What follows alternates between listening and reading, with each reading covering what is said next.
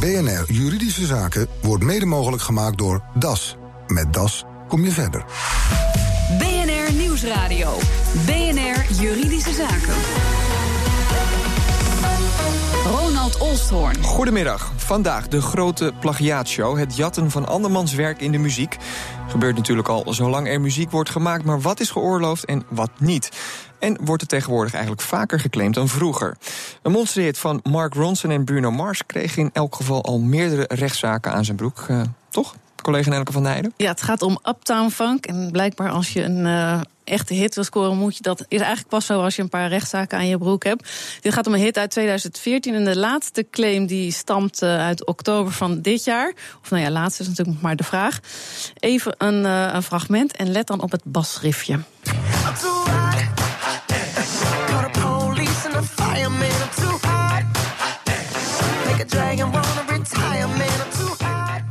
Ja, de eerste claim is van de Gap Band. Uptown Funk leek wel heel erg veel op hun Oops Upside Your Head uit 1979. Let weer op de basriff.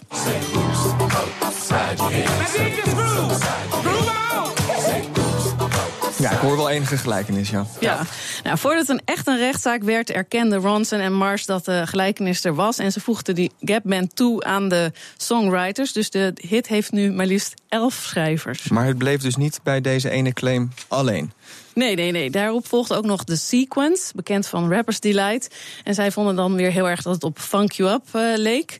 Nou, daar kwam uh, nooit eigenlijk een formele rechtszaak van. En de laatste is Collage met de hit Young Girls.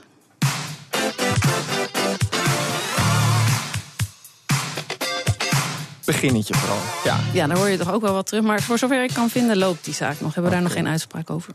Nelleke, dankjewel. We gaan erover verder praten en uh, we gaan uh, natuurlijk nog naar veel meer fragmenten luisteren. En dat doen we met uh, Olga Meijer, cum laude afgestudeerd aan het conservatorium... maar ook gewoon meester in de recht, alsof het niets is. En ook nog eens secretaris van de vaste commissie plagiaat van Buma Stemra. En Bjorn Schipper van Schipper Legal, ook wel bekend als de advocaat van de nacht.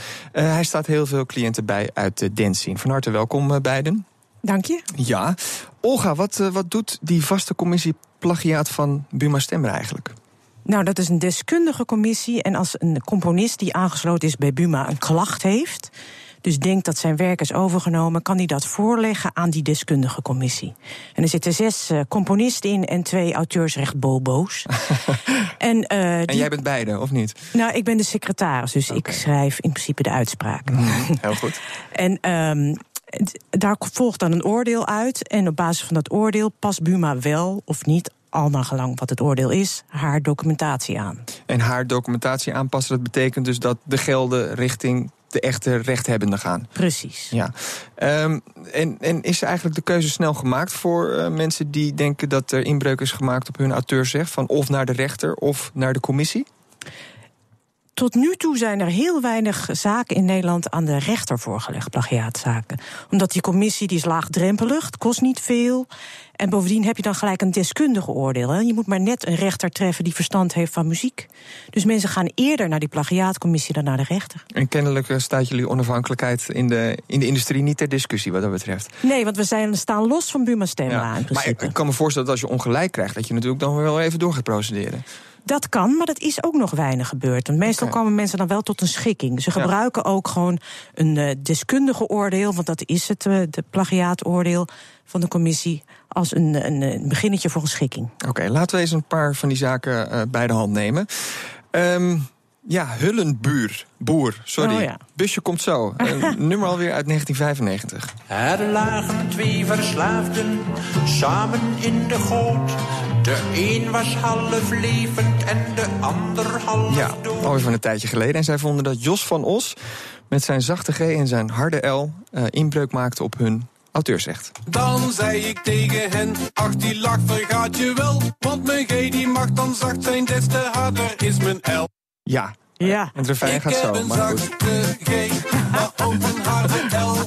Ook een harde L, ook een harde L. Plagiaat of niet, uh, Olga? Uh, dit was geen plagiaat. Nee? Nee, de plagiaatcommissie oordeelde dat die overgenomen fragmenten, als ze al overgenomen waren, zo genre-eigen waren, dat je dat niet kon monopoliseren. Oké, Vindt de andere deskundige in de studio, eh, is hij het eens met dit oordeel? Daar ben ik Bjorn? het mee eens. En het is Ja? natuurlijk een heerlijk rechtsgebied. Als je dat zo hoort, gaat het Ja. alle kanten op. Maar ja, nee, hier zitten echt inderdaad eh, hele gangbare elementen in. Ja, maar en hoe gaat zoiets in, in, in zijn werk dan? Neem even mee. Die, die, die commissie die jij net omschreef, die komt bij elkaar. En die gaat dus deze twee nummers minutieus bestuderen. En, en, en waar letten jullie dan inderdaad op? Nou, ze schrijven het eerst dus helemaal uit. Want het gaat echt om de bladmuziek. En die componisten die kijken dan wat lijkt er op elkaar. En is datgene wat lijkt, is dat auteursrechtelijk beschermd? Want je mag alleen maar iets niet overnemen als het auteursrechtelijk beschermd is. En daar is een soort toets voor. En die toets komt eigenlijk neer op oorspronkelijkheid. Iets is pas auteursrecht- auteursrechtelijk beschermd als het oorspronkelijk is. Dus ze kijken van, is dit een goede vondst? Of, en is dit origineel? En is het niet inherent aan het genre of inge- ingevoerd door de techniek? Daar kijken de componisten dan naar. En gewoon de opbouw van dit nummer, van deze carnavalskrakers, dat is niet origineel. Nee. Dus eigenlijk wordt er misschien een hele muziekindustrie in Nederland eventjes als niet origineel. eh. Nou, maar je moet, het gaat om de gedeeltes die lijken. hè. Het gaat niet om een heel genre. En nemen jullie dan ook eh, de tekst vaak mee in die beoordeling? Of zijn dat weer componenten die los van elkaar staan? Ja, dat is weer een apart, eh, apart gebied. Er zijn heel weinig plagiaatzaken die over tekstinbreuk gaan. Het gaat meestal over muziekinbreuk. We gaan er gewoon nog eentje doen. Ja. Eh, het nummer heet Remember, na na na, van Summer Love. En het was twee keer een hit, in 2002 en 2006. Mensen zullen het ongetwijfeld herkennen.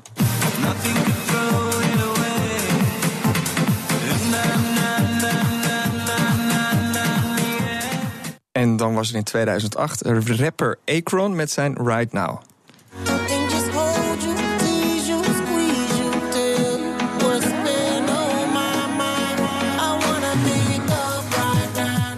Ja, dat was Akon dus met zijn Right Now. Ja. Ja, dat lijkt helemaal niet op elkaar volgens mij. Vond je niet? Nee. Dat vond de commissie Alleen weer wel. na, na, na, na, na, misschien een beetje. Nee, als je, als je die uitspraak leest, dan lees je echt een hele muzikologische analyse. Waarbij ze helemaal gaan kijken: wat is de curve van de melodie? Wat zijn de harmonieën? Wat is de ritmiek? En ze vonden zoveel overeenstemming. dat ze vonden dat het plagiaat was. En dat was een beetje een David-Goliath verhaal. Want Ekan is natuurlijk een hele grote. En die anderen waren relatief kleinere artiesten. Maar een van de schrijvers van het. eh, van Maar volgens de- mij was de eerste een grotere hit, of niet? Dat Was- weet ik niet. Die is een hele grote hit geweest van Oh, maar, goed, oké. nou ja. Maar goed, maar in ieder geval, het bleek dat eh Econ het had kunnen horen, het Nederlandse werk. Want dat, dat stond nog ter, ter sprake. Kun je hier ook in vinden, Bjorn? Daar kan ik mee vinden. En wat ik hier vooral goed aan vind, is dat je dan ziet dat de VCP ook met name muzikaal kijkt. Dus niet alleen, het gaat niet alleen om het recht, om het juridische, maar juist ook om de muzikale kant van alles, eh, Ja. die analyse. Oké. Ehm, en, en, en gebeurt het ook vaak, want, want dus deze zaak komt ook weer bij jullie. Want eigenlijk wordt hier dus een Amerikaanse rapper aangeklaagd. Ja. Omdat er van origine dus bij dat eerste nummertje Nederlandse rechthebbenden zijn. Nou, bij Buma Stemra zijn ook muziekuitgevers aangesloten. En die vertegenwoordigen dan buitenlandse componisten hier in Nederland. Dus zo'n zaak kan zich ook tussen twee muziekuitgevers afspelen. En levert dit ook echt uiteindelijk flinke knaken op voor zo'n rechthebbende? Dat kan, dat kan, Ja? zeker, zeker. Ja. Want eh, je kan met die uitspraak in de hand natuurlijk ook proberen om in het buitenland een en ander recht te zetten. Oké. Ehm Nelleke had het begin van deze uitzending al eventjes over dus, eh, de internationale bewegingen op dit gebied. Eh, Er Mhm. speelt heel veel, ook steeds meer zaken ook. Een heel bekend voorbeeld is ook nog eh, het nummer Blurred Lines van eh, Robin Thicke en Pharrell Williams.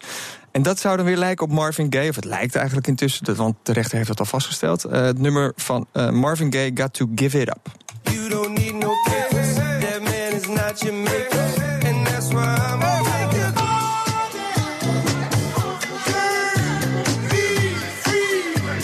Keurig aan elkaar gemixt al. Ja. Bjorn, eh, dat was wel echt flink kassen hè, voor de erven van eh, Marvin Gaye. Ja, klopt. Ze hebben een eh, stok tussen het wiel kunnen steken. Eh, in ieder geval een eerste aanleg. En er loopt nu hoger beroep, dus eh, op zich kan het nog meerdere kanten op. Maar ja, de, de eerste klap is wel uitgedeeld eh, daar. Want miljoenen hebben we het over. Zeker. Ja, ja, ja. Zeven. Zeven miljoen. ja. 7,4 miljoen. Ja. Wauw. Ehm, gaan we dit soort claims ook zien overwaaien naar Nederland? Ik denk het niet, want wij hebben niet zo'n enorme claimcultuur. En bovendien, ik denk als je dit voorgelegd had aan een vaste commissie plagiaat, dat het niet tot een plagiaatoordeel Nee? gekomen. Nee.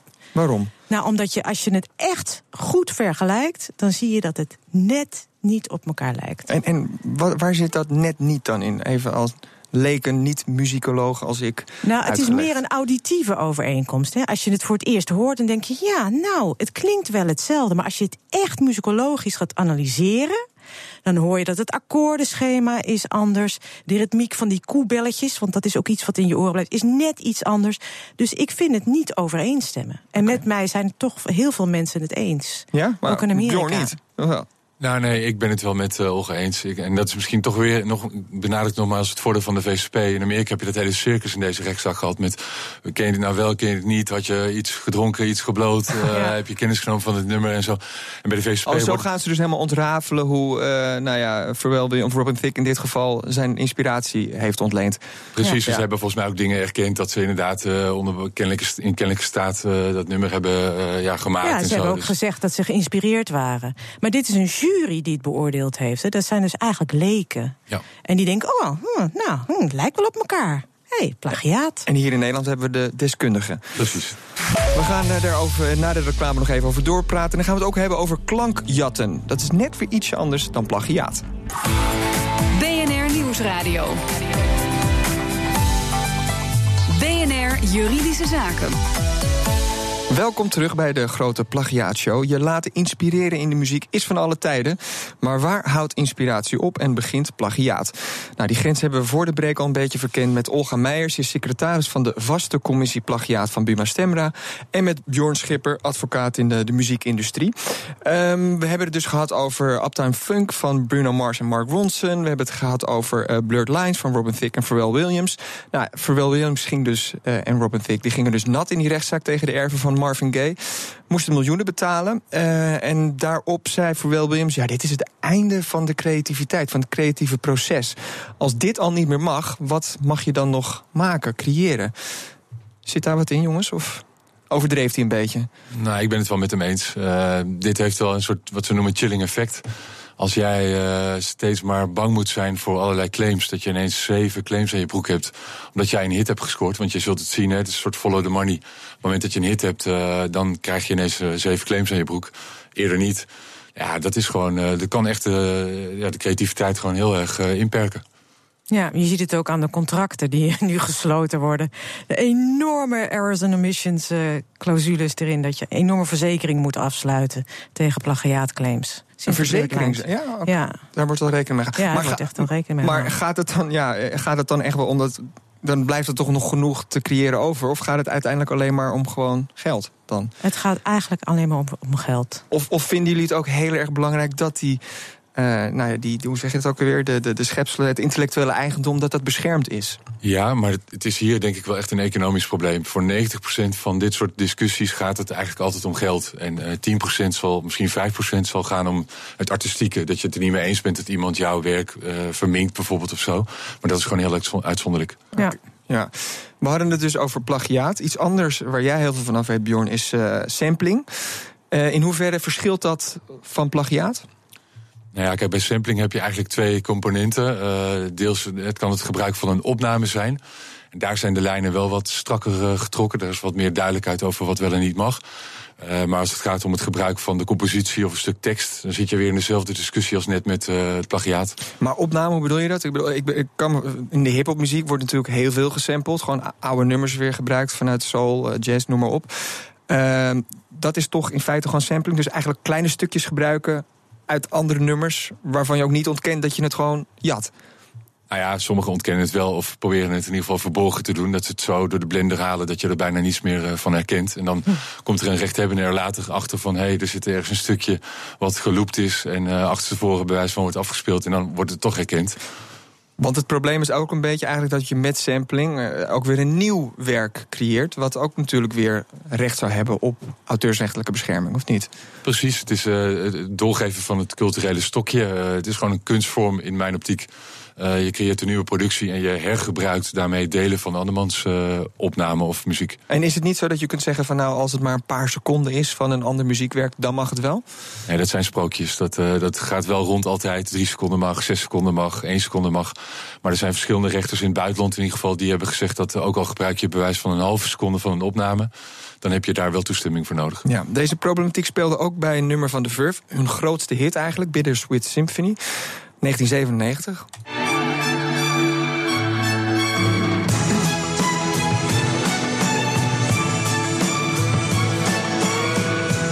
Maar Bjorn, die er dus ook een beetje Leentje Buur gespeeld, of niet? Nou ja, ze hadden wel hele goede intenties. Eh, de Verve heeft eh, voor dit nummer eerst gewoon correct toestemming gevraagd eh, aan de Stones voor gebruik van de opname. En ze hebben ook die toestemming gekregen, dus ze hebben een licentie eigenlijk gehad om dat nummer te gebruiken. Want die gaat een beetje snel. De, dit is geïnspireerd op een nummer van de Rolling Stones, Ja, de. Last Song. Ja, dat klopt. Ja. En nou ja, goed, voor, voor die opname hebben ze dus wel gewoon netjes toestemming gevraagd en gekregen. Deze opname.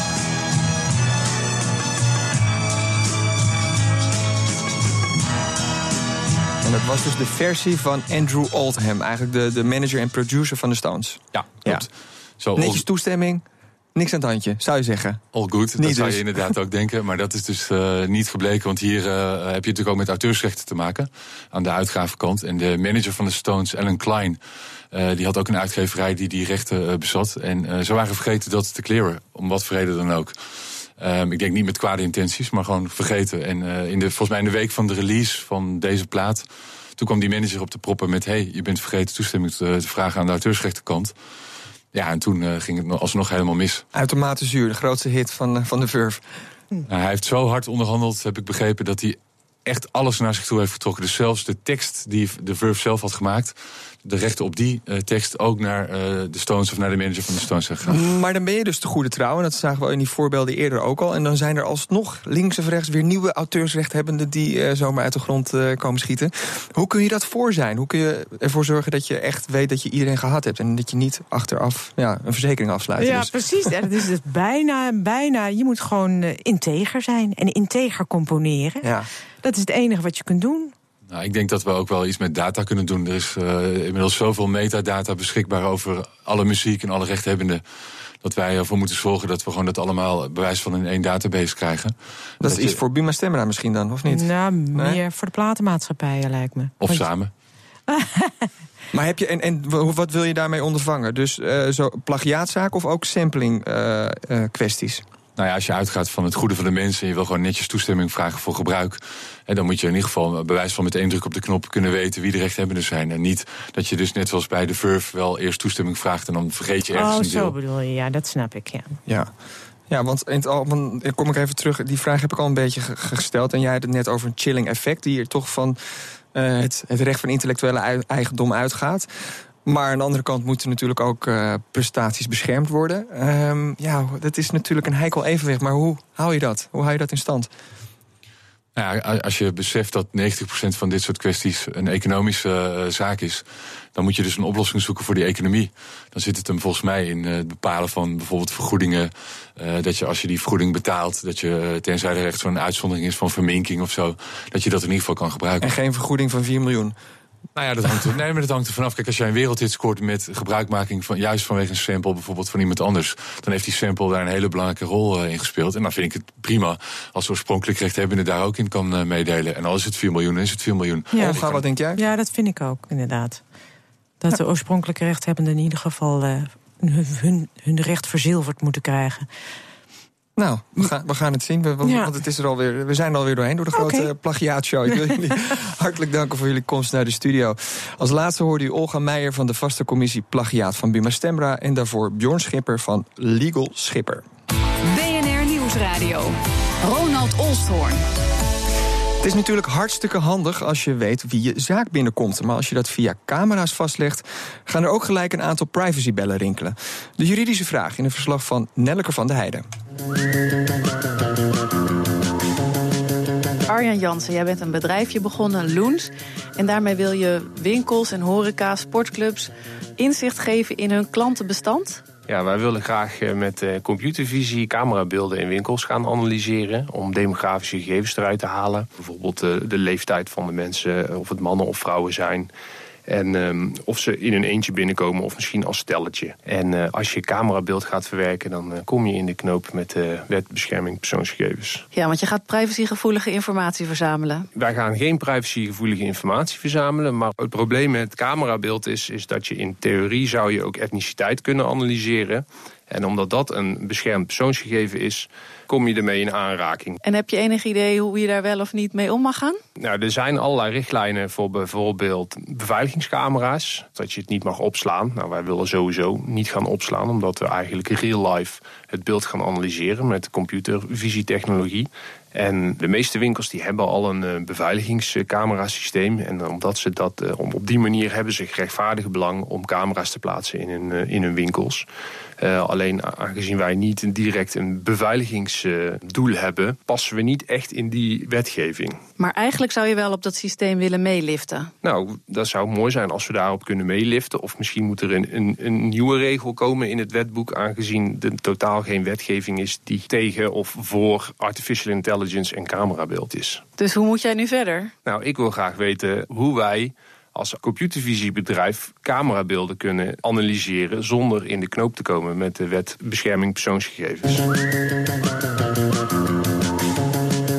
Menno Wij van Solf Advocaten. Mag Arjen Jansen nou doen wat hij doet? Ja, alleen niet met het idee van ik lift even mee op de camerabeveiliging van de winkelier. Om de simpele reden dat die camera daar hangt uit beveiligingsdoeleinden. En ik begrijp van de vraag van Arjen dat hij inzicht wil geven aan zijn klanten over wie en wat loopt er in je winkel. Hè? Een paar demografische kenmerken noemt hij het. Maar je zei het kan wel, dus hoe kan het dan wel? Ja, we moeten een paar dingen bekijken. Gaat het om persoonsgegevens en heb je een grond om dit te kunnen doen? De eerste persoonsgegevens, ja. De kenmerken die hij analyseert zijn in de zin van de privacywetgeving absoluut persoonsgegevens. Dus moet je kijken, mag ik dan doen wat ik graag aan mijn klanten wil aanbieden? Daar moet je dus kijken naar een grond. En ik denk dat een grondslag kan zijn gerechtvaardigd belang. Dat cameratoezicht uit beveiligingsdoeleinden is ook een voorbeeld van een gerechtvaardigd belang. Maar het analyseren van een aantal gegevens voor uh, marketingdoeleinden is in mijn optiek ook mogelijk een gerechtvaardigd belang. Dat is bijvoorbeeld ook bij wifi-tracking door de autoriteit gezegd dat dat onder omstandigheden kan. Maar moet je dan wel goed opletten met wat je doet? Bijvoorbeeld bij wifi-tracking is gezegd niet 24 uur per dag en ook niet de bovenbuurman en degene die he, langs de winkel lopen. En een tweede belangrijk aandachtspunt is de positionering van loons ten opzichte van de winkelier. We kennen in Privacyland twee belangrijke smaken, namelijk de verantwoordelijke voor de verwerking en een bewerker. Een bewerker handelt eigenlijk alleen in opdracht van die verantwoordelijke. En die verantwoordelijke, je voelt het al aan, die is juist verantwoordelijk, aansprakelijk, zo je wilt, voor die verwerking. En hoe kan die zich dan uh, als bewerker positioneren? In ieder geval ervoor zorgen dat hij niks anders met die gegevens die hij analyseert doet dan ten behoeve van de winkelier.